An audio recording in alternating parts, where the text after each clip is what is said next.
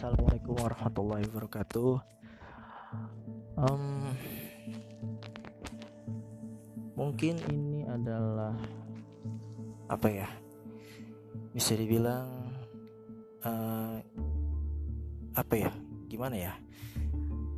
Bisa dibilang adalah tujuan gua uh, uh, membuat podcast dari episode yang pertama sampai yang terakhir itu tujuannya adalah ke sini sebenarnya.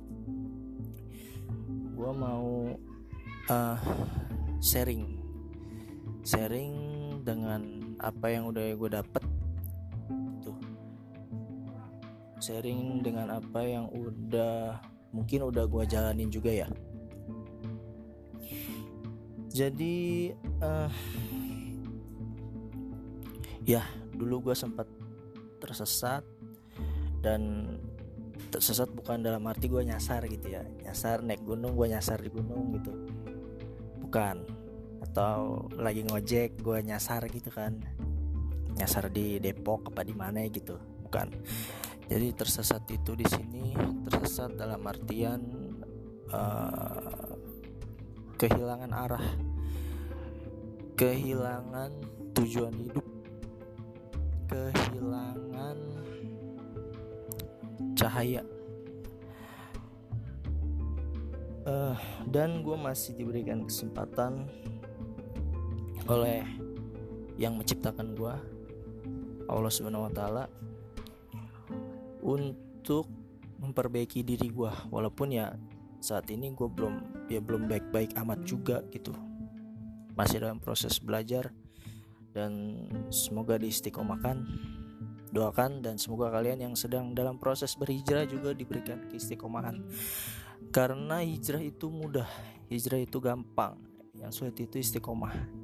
Gitu kan?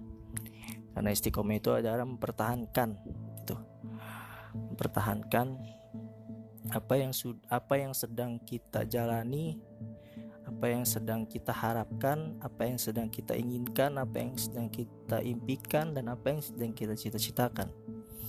Gitu kan. Karena istiqomah itu sangat sulit. Seperti kalau di sepak bola itu Liverpool gitu kan. Liverpool tahun lalu musim lalu itu menjadi juara atau champion. Uh, eh sorry, eh bener ya musim lalu iya betul. Dan musim ini kebetulan tereliminasi gitu kan. Kalah dari uh, dari mana gitu? Dari klub mana ya lupa dah gue pokoknya gitulah. Intinya istiqomah itu sangat sulit. Dan langsung aja uh, gua men uh, uh,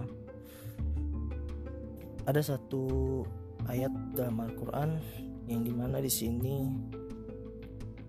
Allah itu sebetulnya apa ya menginginkan hambanya itu untuk terus berbuat baik gitu.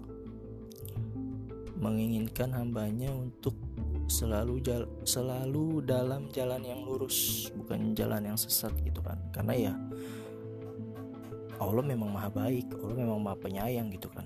Bahkan rahmatnya aja itu lebih besar dibanding murkanya. Coba kalian buka surat 313 itu surah surat Ar-Rod.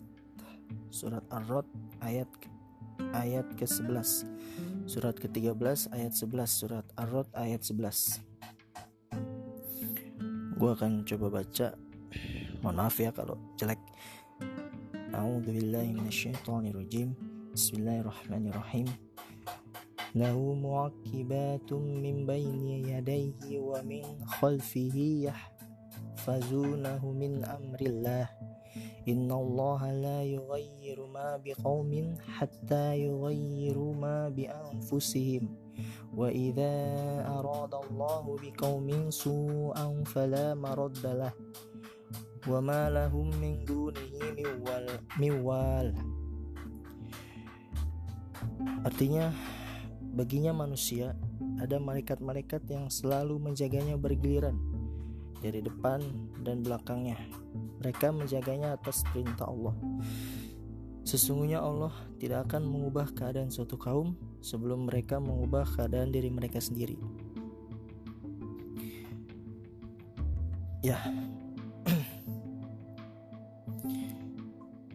Di sini kita bisa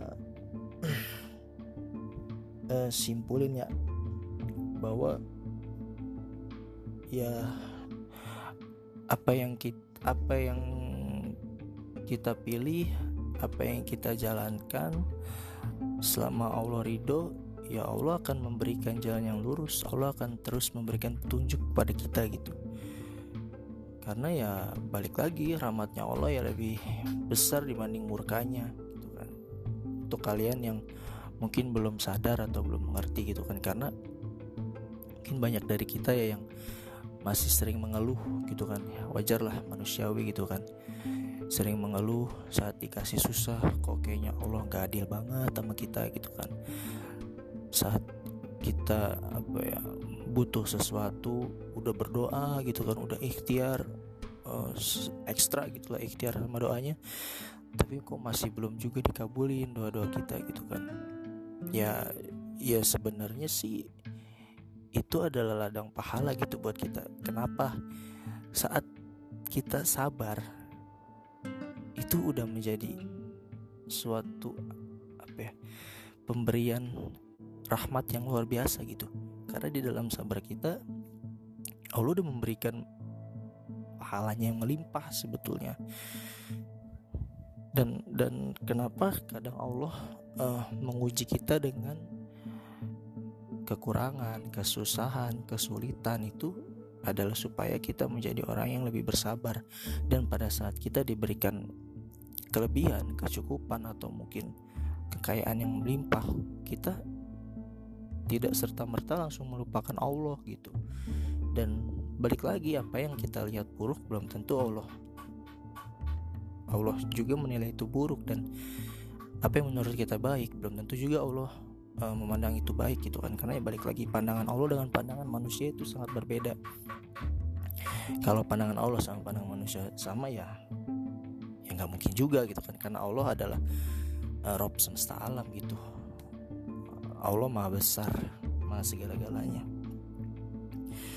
Dan balik lagi uh, kalau kita nggak ada usaha kita nggak ada ikhtiar untuk mengubah keadaan kita sendiri ya nggak akan berubah juga gitu. Karena balik lagi apa yang uh, Allah akan kasih kelak itu sesuai dengan apa yang udah kita ikhtiarkan apa yang udah kita perbuat apa yang udah kita lakukan.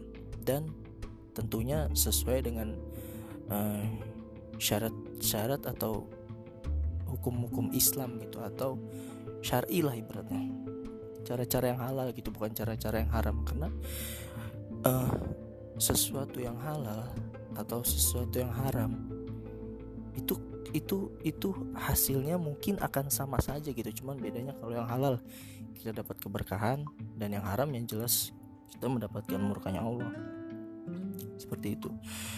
Dan tentunya kita menginginkan keberkahan gitu kan supaya uh, supaya ya ya hidup kita itu akan tenang nyaman dan dan dan dan dan apa ya tidak tidak gelisah lah. Karena um, Allah itu memberikan kasih sayangnya kepada hambanya bukan langsung melalui uh, harta bukan langsung melalui materi bukan langsung melalui uh, pasangan yang kita inginkan, bukan langsung melalui anak-anak yang kita dambakan, bukan langsung melalui orang tua yang mungkin kita, uh, eh, yang yang yang kita, yang kita harapkan akan sayang dengan kita enggak seperti itu. Yang Allah kasih adalah kenyamanan. Yang Allah kasih adalah sakinah. Itu kan karena seorang hamba yang dicintai oleh Allah itu akan merasakan ketenangan dalam keadaan apa pun. Dia tidak akan pernah merasa gelisah pada saat dia mendapatkan masalah. Dia tidak akan merasakan kesedihan yang berlebih ketika dia mendapatkan musibah. Karena apa? ya dia dia dia menganggap bahwa ya ini adalah bentuk bentuk cinta Allah bentuk kasih sayang Allah bentuk uh, rahmat Allah kepada dia gitu um, kemudian intinya adalah uh, Allah tidak akan mengubah keadaan kita kalau kita nggak mau berusaha. Jadi ya kita harus berusaha sekuat mungkin berusaha semaksimal mungkin dan ikhtiar itu lewat perbuatan. Hati jangan ikut ikhtiar tapi hati tugasnya adalah untuk bertawakal. Supaya pada saat ikhtiar kita udah maksimal tapi kita tidak mendapatkan hasil yang maksimal atau Allah mungkin belum memberikan hasil pada saat itu kita nggak kecewa. Karena hati kita nggak ikut ikhtiar tapi hati kita dikhususkan untuk bertawakal seperti itu. Kemudian coba buka di surat kedua Al-Baqarah ayat 201 Al-Baqarah ayat 201 bentar ya. Gue ngapal nih nyontek. 201 bentar sebentar. 201 oke. Okay. gue akan baca. A'udzubillahiminasyaitonirrajim Bismillahirrahmanirrahim Yaqulu rabbana atina fid dunya hasanah wa fil akhirati hasanatan wa qina adzaban nar Pasti kalian udah pernah dengar dong ayat ini gitu kan? Bahkan mungkin kalian sering membacanya di setiap doa gitu kan? Habis sholat atau kapan lah tapi biasanya saya habis sholat gitu kan. Rabbana atina fid dunya hasanah fil akhirati hasanah tawakina azabanar dan dan mungkin sebagian orang hanya mengucapkan doa ini tapi tidak tahu uh, belum mengetahui artinya seperti apa gitu kan. Di sini uh, Allah berfirman dan di antara mereka ada orang yang berdoa ya Rob kami berilah kami kebaikan di dunia dan kebaikan di akhirat. Robbana atina fid dunya hasanah kebaikan di dunia wa fil akhirati hasanah dan kebaikan di akhirat. Wa qina adzabannar dan lindungilah kami dari azab neraka. Jadi kita selalu berdoa untuk mendapatkan kebaikan di dunia dan kebaikan di akhirat. Tapi kadang uh, usaha kita nggak sinkron gitu sama doa kita ini gitu kan. Contohnya kita habis sholat subuh misal bangun habis sholat subuh kita berdoa Rabbana atina fid dunya hasanah fil akhirati hasanah wa qina adzabannar amin ya rabbal alamin gitu kan tapi setelah sholat subuh kita tidur kita nggak bergegas atau kita nggak nggak zikir atau kita nggak apalah melakukan kegiatan yang sebisa mungkin membuat kita nggak tidur gitu. Intinya kita masih ada ikhtiar untuk melakukan perbuatan yang baik melakukan amal soleh gitu kan setelah habis sholat subuh. Tapi kebayangan dari kita gitu kan uh, mungkin masih ada gitu kan. Ya termasuk gua kadang masih suka tidur gitu kan saat habis sholat subuh dan bahkan mungkin ada yang sholat subuhnya kelewat gitu kan. Ya ya naudzubillah min gitu kan. Kita harus ngurang-ngurangin yang seperti itu. Ya namanya sholat itu adalah wajib dan di dalam sholat pun kita uh, saat membaca al-fatihah itu termasuk zikir dan termasuk doa di dalamnya. Balik lagi kita selalu mengharapkan kebaikan di dunia dan akhirat. Tapi apa yang ikhtiar yang udah kita lakukan kadang belum maksimal di dunia uh, oke okay lah. Saat habis sholat subuh mungkin ada yang langsung berangkat kerja. Matahari masih gelap gitu kan. Matahari masih gelap udah berangkat kerja gitu kan. Se kerja kerja. Pulang pun dalam keadaan gelap. Mat matahari udah terbenam gitu. Dan uh, kebaikan dari kita masih terlalu memfokuskan diri, diri terhadap dunia saja. Kita hanya mencari dunia saja. Ya mungkin masih banyak yang kerja terus masih meng mengingat sholat gitu kan. Tapi kadang sholat itu dijadikan prioritas kedua. Dan prioritas kita, prioritas kita yang pertama adalah pekerjaan prioritas kita yang pertama adalah menjalankan perintah bos kita bukan menjalankan perintah siapa yang menciptakan kita karena yang benar adalah memprioritaskan akhirat dan menjalankan dan atau memprioritaskan perintah dari sang pencipta yaitu Allah Subhanahu wa taala. Oke. Misal pas makan siang misalnya. Pasti kan masuk jam 12 gitu pas zuhur ya. Allahu akbar Allahu akbar gitu kan azan. Dan kadang kebanyakan dari kita tuh duh, tanggung nih lah kerjaan belum beres gitu kan beresin dulu aja lah. Toh zuhur waktunya masih panjang ke asar. Itu kan akhirnya kerjaan tuh nggak beres beres-beres jam setengah tiga misalnya. Belum sarap kita belum makan siang belum belum ya belum makan lah dan mungkin paginya juga belum sarapan gitu kan. Sholat setengah tiga. Terus kita sudah me apa ya memprioritaskan dunia dibanding akhirat kita. Itu yang pertama. Kemudian tuh masuk mulai lagi kerja. Waktu masuk ajan asar ternyata ada tambahan tugas dari bos. Nih kerjain harus beres sore ini juga. Apa yang kita lakukan? Kita pasti akan wah gue harus ngejar nih tugas biar beres nih Biar gue bisa pulang lebih cepat ke rumah. Azan tuh asar jam 3 lewat 15 misalnya Allahu Akbar Allahu Akbar. Aduh tanggung ah biar gue pulang cepet nih kan paling gak jam paling enggak sebelum maghrib gue nyampe rumah. Akhirnya kerjain dah tuh tugas dari bos lalalalat beres jam 5 kita baru sholat asar tuh jam 5 sebelum pulang kita sholat asar dulu dua kali. Kita me, me, me, menjadikan Allah yang kedua dua kali nih zuhur sama asar. Pulang dah set ke rumah jam jam 5 lewat 15 misal. Besok asar langsung pulang Sampai rumah ternyata jam setengah tujuh. Kita kena maghrib di jalan Ada nih jam 6 misal Allahu Akbar, Allahu Akbar. Adhan. Ah tanggung lah. Biar sholat di rumah aja. Sekalian sholat isya. Saya sampai rumah setengah tujuh Atau jam tujuh kurang 15 misal Rebahan dulu ya kan ngaso Duh Capek banget nih ya kan. Bentar ngaso dulu. Ngaso ngaso ketiduran. Akhirnya maghribnya ketinggalan isanya ketinggalan. Bangun-bangun jam 5 pagi gitu kan. Ketinggalan lagi tuh subuhnya. Kan akhirnya apa?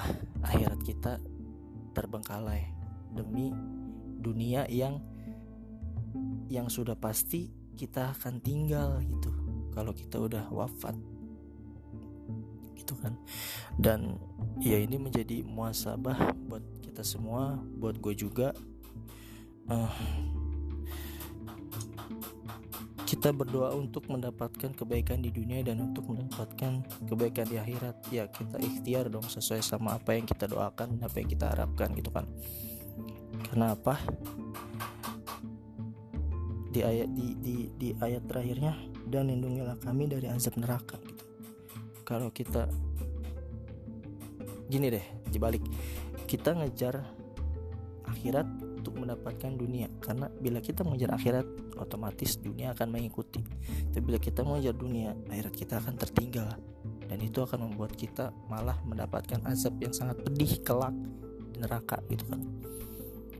Ya uh, oke gue persingkat kan udah masuk kasar.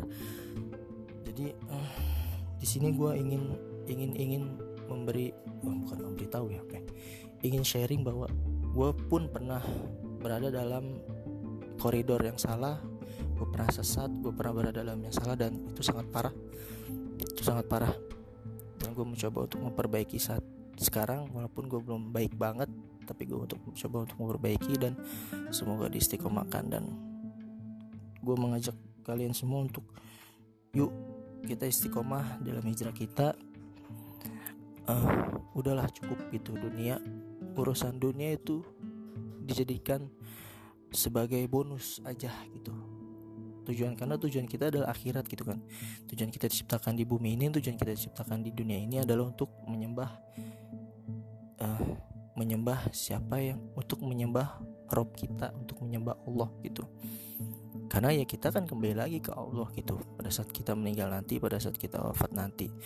Dan di dunia ini di bumi ini ada tempat kita untuk uh, menanam menanam amal soleh, menanam kebaikan, menanam pahala yang akan kita bawa kelak menghadap Allah Subhanahu Wa Taala agar kita mendapatkan naungannya, mendapatkan syafaatnya di uh, yomil yomil di akhirat kelak gitulah. Astagfirullah. Jadi ya itu aja dari gua. Semoga bermanfaat dan uh, kalau ada masukan bisa langsung DM ke Instagram gua di @ilmirondanu uh, eh, biar apa ya untuk masukan gua dan untuk um, untuk ya untuk memperbaiki diri gua supaya menjadi lebih baik lagi dan dan uh, semoga bermanfaat lah podcast ini buat kalian yang mendengarkan oke okay? uh, terima kasih sudah mendengarkan dan mohon maaf jika ada kesalahan karena kesalahan itu datang dari gua dan kebenaran itu biar hanya milik Allah Subhanahu wa taala. Bila taufiq ya. Assalamualaikum warahmatullahi wabarakatuh.